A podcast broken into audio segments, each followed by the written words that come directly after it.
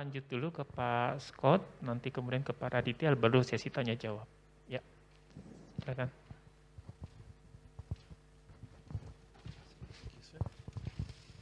Terima kasih. Ya. Eh, yang saya hormati Ibu Emiati dari Perpustakaan Nasional di Jakarta di sini dan uh, juga yang saya hormati Pak Judo Suwiji dari Periplus dan tim-tim dari Periplus dan yang saya hormati Ibu Sari Febrian dari Kompas dan eh, teman-teman uh, yang lain yang hadir hari ini. Terima kasih. Uh, pertama-tama saya juga mau mengucapkan terima kasih juga kepada uh, Perpusnas karena Uh, saya masih ingat kira-kira 25 tahun yang lalu waktu saya melakukan penelitian untuk buku saya yang pertama mengenai Batavia dalam 19th century photograph. Saya sering uh, main ke uh, Perpusnas yang waktu itu terletak di Salemba. Dan uh, saya berpuluhan kali ke situ sebenarnya sebab uh, koleksi uh, Eh, dari buku langka ada di lantai 5 dan 6 ada reading room di lantai 5 saya kadang-kadang diberikan izin untuk langsung naik ke lantai 6 juga sebab saya begitu banyak minta buku dibawa dari lantai 6 ke lantai 5 saya disuruh langsung ke uh, lantai 6 untuk ambil sendiri um, jadi uh, hari ini uh, saya uh, diberikan kesempatan untuk memilih theme uh,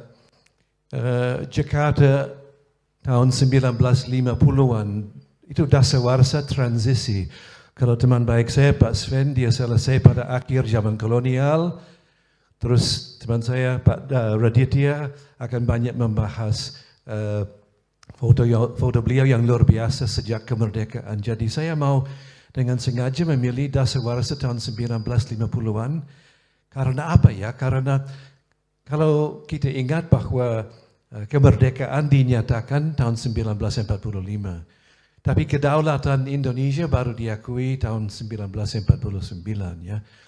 Terus kalau kita uh, jadi kalau kita melihat kalau kita memikirkan Jakarta yang modern, Jakarta yang merdeka, kita banyak memikirkan uh, Jalan Tamrin, Jalan Jenderal Sudirman, uh, Senayan, uh, Semanggi, uh, Sarina, Bank Indonesia, Hotel Indonesia. Tapi itu semuanya uh, diselesaikan tahun 1960-an. Ya. Jadi memang ada ada satu dasawarsa antara kemerdekaan dan antara gedung-gedung dan jalan-jalan protokol yang kita semua uh, menganggap paling penting di Jakarta dewasa ini itu 1950-an di mana semuanya itu belum ada. Jadi saya mau memberikan gambaran kepada Bapak Ibu hari ini mengenai 1950-an uh, itu bagaimana dan saya tahu ada orang seperti Ibu Ayla yang waktu itu masih anak kecil ya dan barangkali ada kenang-kenangan dari zaman ini.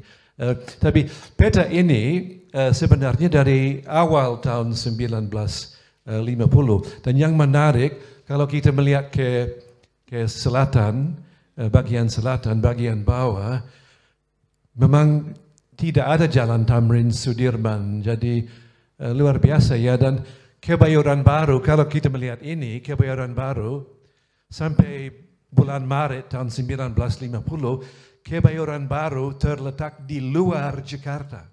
Jadi bayangkan sekarang ya jadi uh, kalau kita memikirkan kebayoran baru sekarang dianggap pusat Jakarta. Uh, tapi uh, 72 tahun yang lalu sebelum bulan Maret tahun 1950 kebayoran baru uh, masih di luar Jakarta.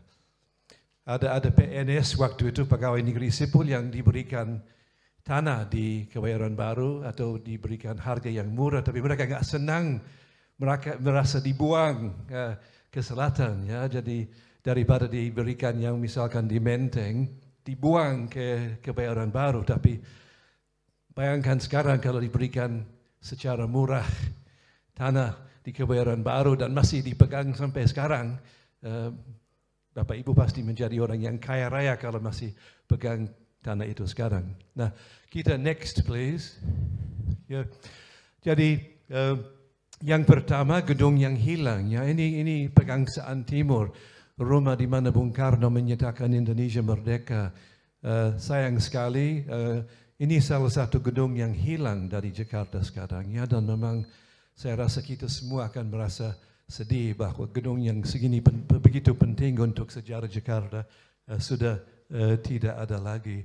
Dan sebenarnya juga patung ini um, tidak ada juga sebab itu dibongkar terus beberapa tahun dibangun lagi. Jadi uh, jadi uh, Tugu Proklamasi ini uh, sebenarnya yang kelihatan sekarang di di Pegangsaan Timur adalah adalah kopi daripada yang asli sebab baik gedung maupun tugu yang asli di dibongkar. Okay, next. Okay. Jadi yang kita melihat di sini ini uh, parlemen DPR yang pertama di Jakarta. Kalau DPR sekarang memang ada di Senayan. Uh, tapi itu baru di, uh, dibangun sebagaimana saya katakan sebelumnya selesai selama tahun 1960-an. Jadi waktu Indonesia menjadi sesudah menjadi merdeka, gedung kolonial ini yang dulu menjadi social club untuk tentara uh, diambil alih oleh pemerintah Indonesia dan menjadi gedung DPR yang pertama. Ini terletak di uh, Jalan Lapangan Banteng Timur. Nah sekarang tidak ada sebab ada gedung um, yang dimiliki gedung bertingkat yang dimiliki oleh Departemen Keuangan yang terletak di situ. Tapi ya memang kalau sudah menjadi merdeka seperti Indonesia, ibu kotanya Jakarta, jadi harus sebelum bisa membangun gedung baru harus memanfaatkan gedung yang uh, ketinggalan oleh oleh Belanda.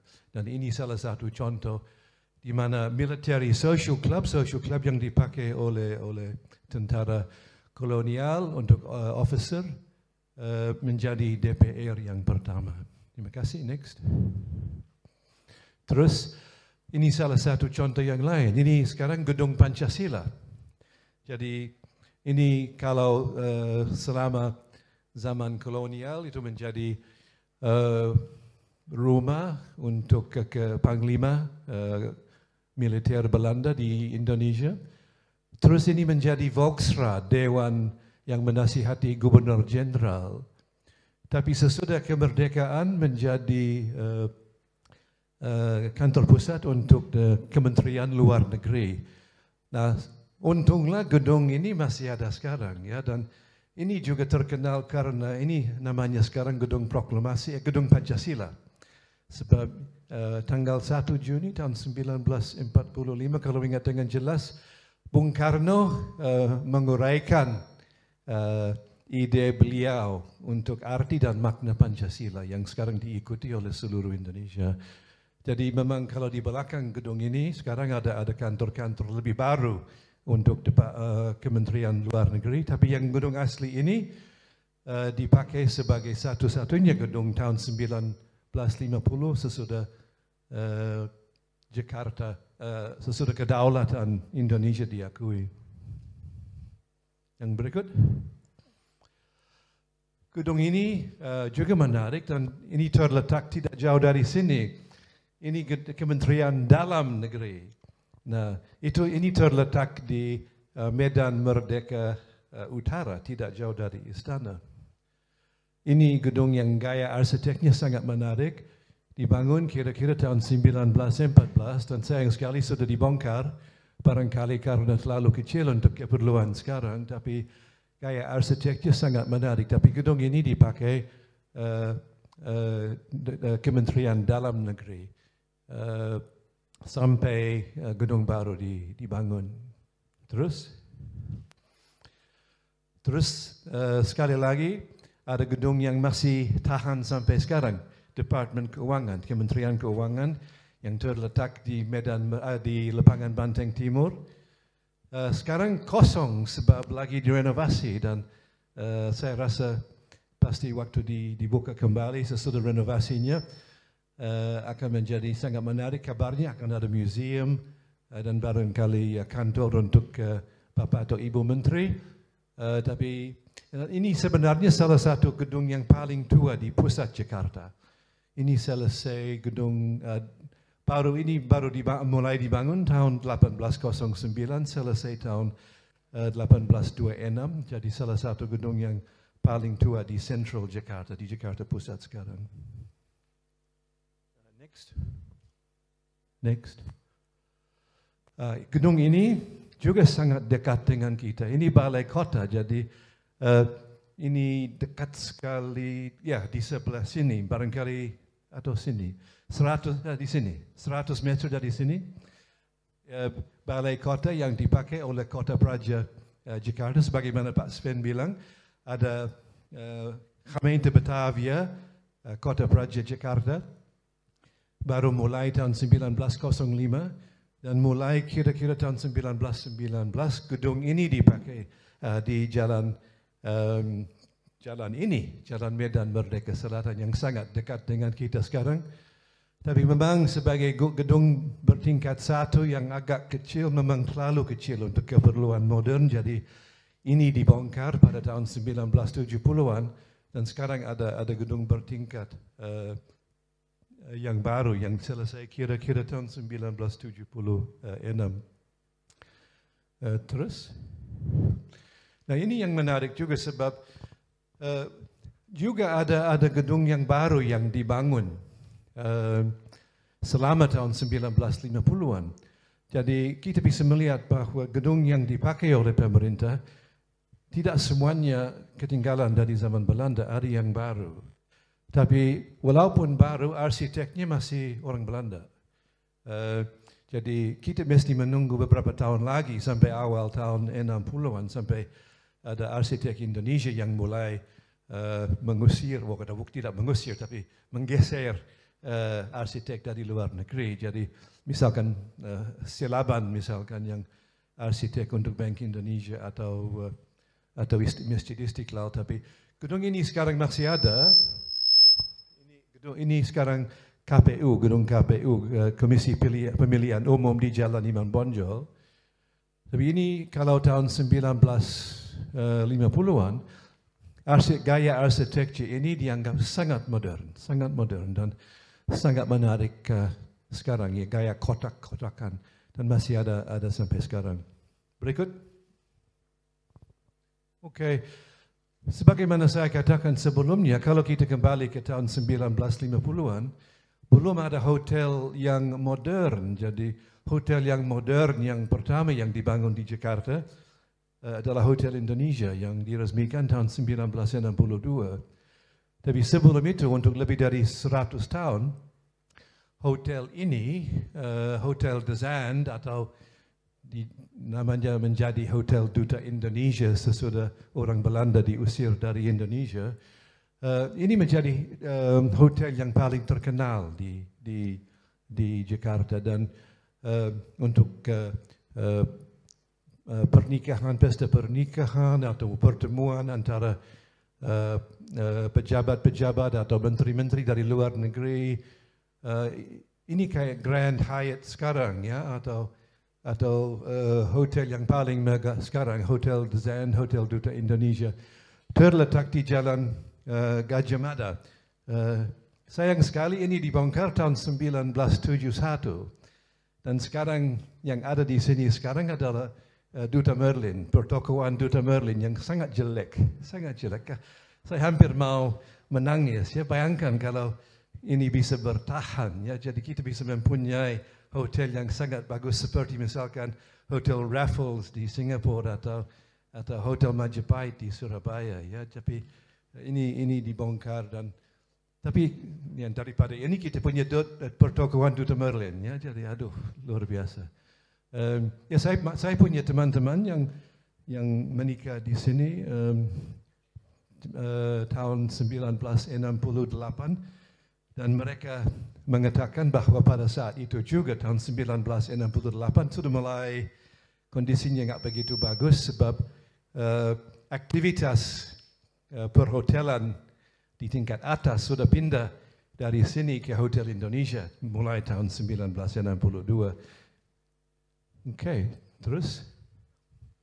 Nah, bayangkan juga sebagaimana saya katakan belum ada Sudirman belum ada jalan belum ada jalan Tamrin, jadi belum ada mall-mall yang baru. Jadi uh, jalan Juanda, ini jalan Juanda di sebelah kiri.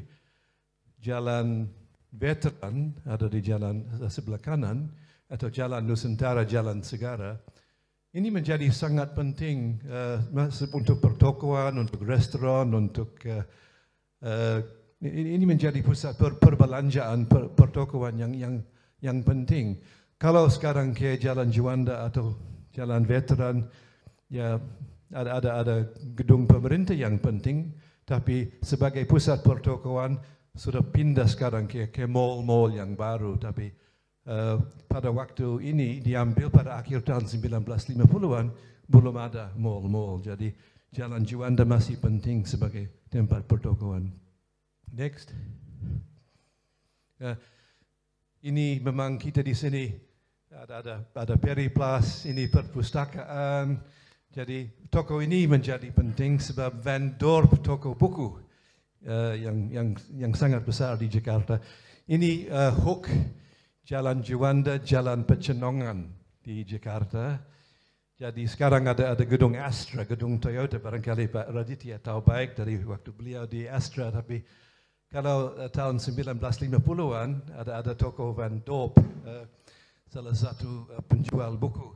Kayak Periplas kayak sekarang Pak Judah. Ya? Jadi um, jadi uh, foto ini sangat tajam dan saya rasa sangat cocok untuk tema kita hari ini. Next. Uh, okay, ini hotel di Nederlanda, salah satu hotel yang um, juga terkenal, tidak sama terkenalnya dengan hotel Duta Indonesia atau hotel The Zan, tapi hotel di Nederlanda, uh, ya lumayan terkenal sejak abad ke-19. Nah, ini dibeli dan dibongkar dan diganti, ditukar dengan gedung yang sangat terkenal sekarang. Jadi ada ada yang tahu di sini uh, gedung ini hotel di Nederlanda ditukar dengan gedung apa?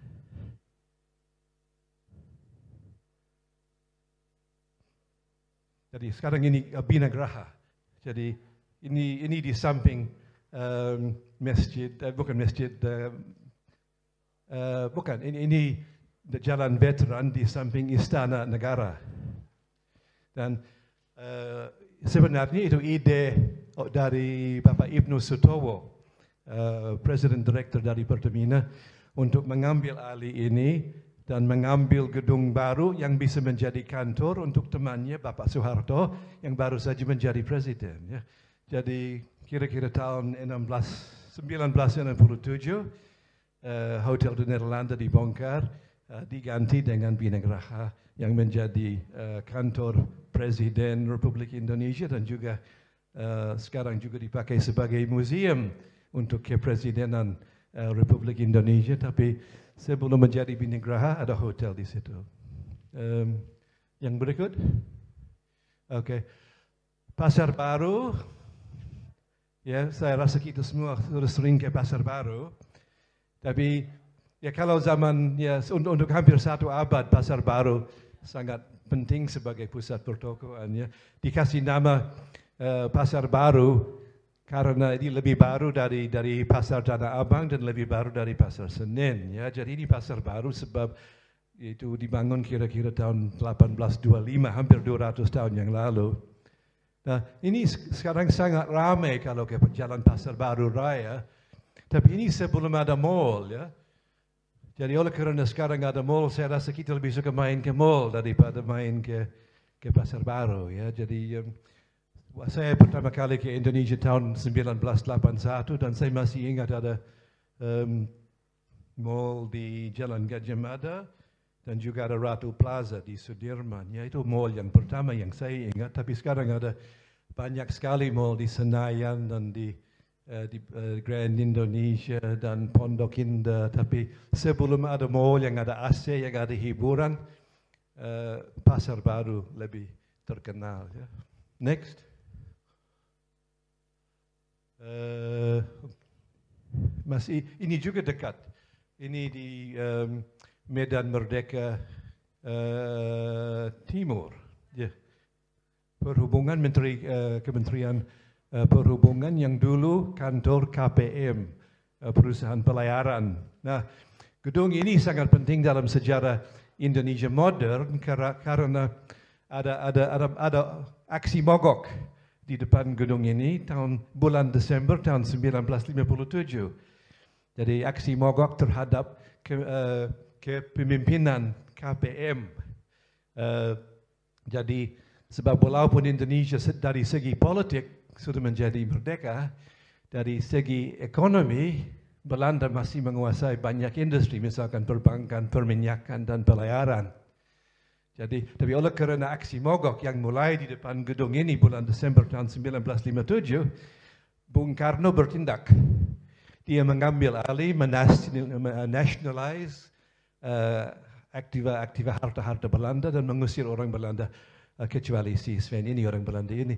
Uh, tapi orang Belanda yang lain diusir uh, dan gedungnya dan hartanya diambil ya.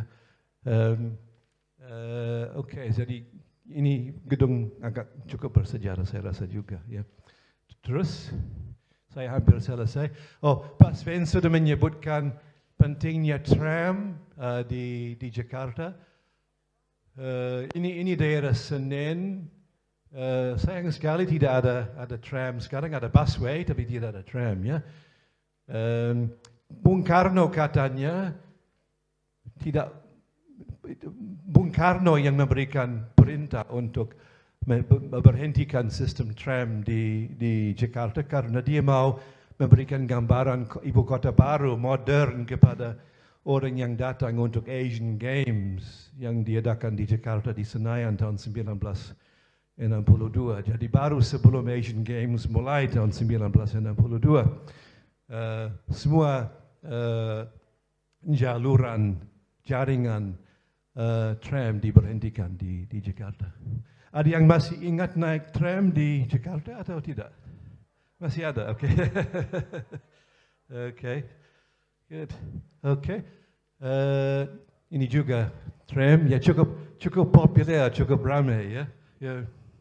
Salah satu teman saya yang almarhum uh, almarhum Arif Budiman um, dia menceritakan kepada saya waktu dia masih kecil tinggal di Jakarta di uh, di dekat Jalan Hayamuruk bahawa waktu dia sama teman-temannya waktu masih umur 5, 6, 7 tahun mereka suka main-main naik tram tanpa membayar untuk karcis.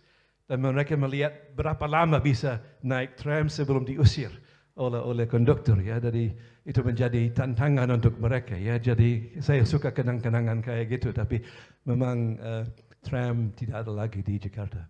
Next. Next. Ya saya hampir selesai. Ini kebayoran baru tahun 1950 memang uh, sangat modern waktu itu. Rumah baru rumah modern pohonnya belum begitu tinggi. Next. Ini Glodok yang masih pusat uh, uh, pertokoan uh, dan Chinatown yang masih penting. Uh, uh, next. Uh, dan juga sebelum ada Tamrin, belum ada Sudirman, pusat keuangan juga masih di, di, di kota kalau tahun 1950-an. Jadi ini ini sekarang gedung yang besar ini adalah Museum Bank Mandiri. Uh, yang paling Uh, sebelah kanan yang sedikit kelihatan itu uh, Museum Bank Indonesia yang sebelumnya Javash Bank yang juga menjadi pusat ibu uh, kantor pusat untuk uh, Bank Indonesia pada tahun 1950-an. Terus uh, stasiun Jakarta Kota masih lebih penting waktu itu barangkali daripada sekarang sebab banyak orang yang bekerja di bidang perbankan atau keuangan uh, zaman itu mesti ke utara naik uh, naik kereta api atau naik tram tapi sekarang tidak begitu penting dibandingkan dengan setengah abad yang lalu karena kantor-kantor sekarang sebagian besar ada di Sudirman atau, atau Rasuna Said atau atau Tamrin. Terus next uh, Kemayoran uh, ini bandara Kemayoran kalau tahun 1950-an melayani baik uh, uh, penerbangan domestik maupun luar negeri. Baru tahun 1974, uh, Halim dipakai lagi untuk internasional. Terus tahun uh, 1985 atau 6, Soekarno-Hatta buka dan uh, domestik maupun internasional pindah dari Kemayoran ke uh, Soekarno Hatta yang yang baru. Terus,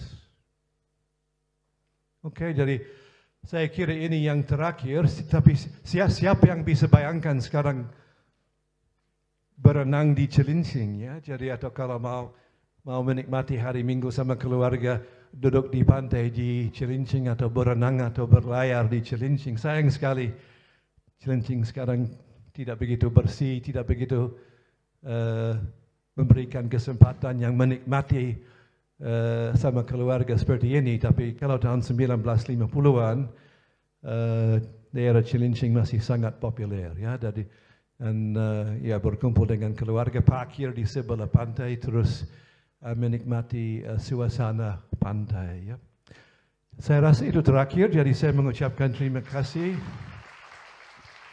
Semoga uh, bisa ya kembali untuk uh, 20 minit ke tahun 1950-an dan melihat transisi Jakarta dari zaman kolonial uh, ke kota ibu kota yang modern. Terima kasih. Terima kasih Pak Yeri. Ya. Terima kasih. Terima kasih Pak Scott. Menarik sekali kita dibawa ke periode yang sekarang terasanya jauh sekali. Padahal hanya 70 tahun tapi ya terasa begitu jauh karena begitu banyak perubahan. Berikutnya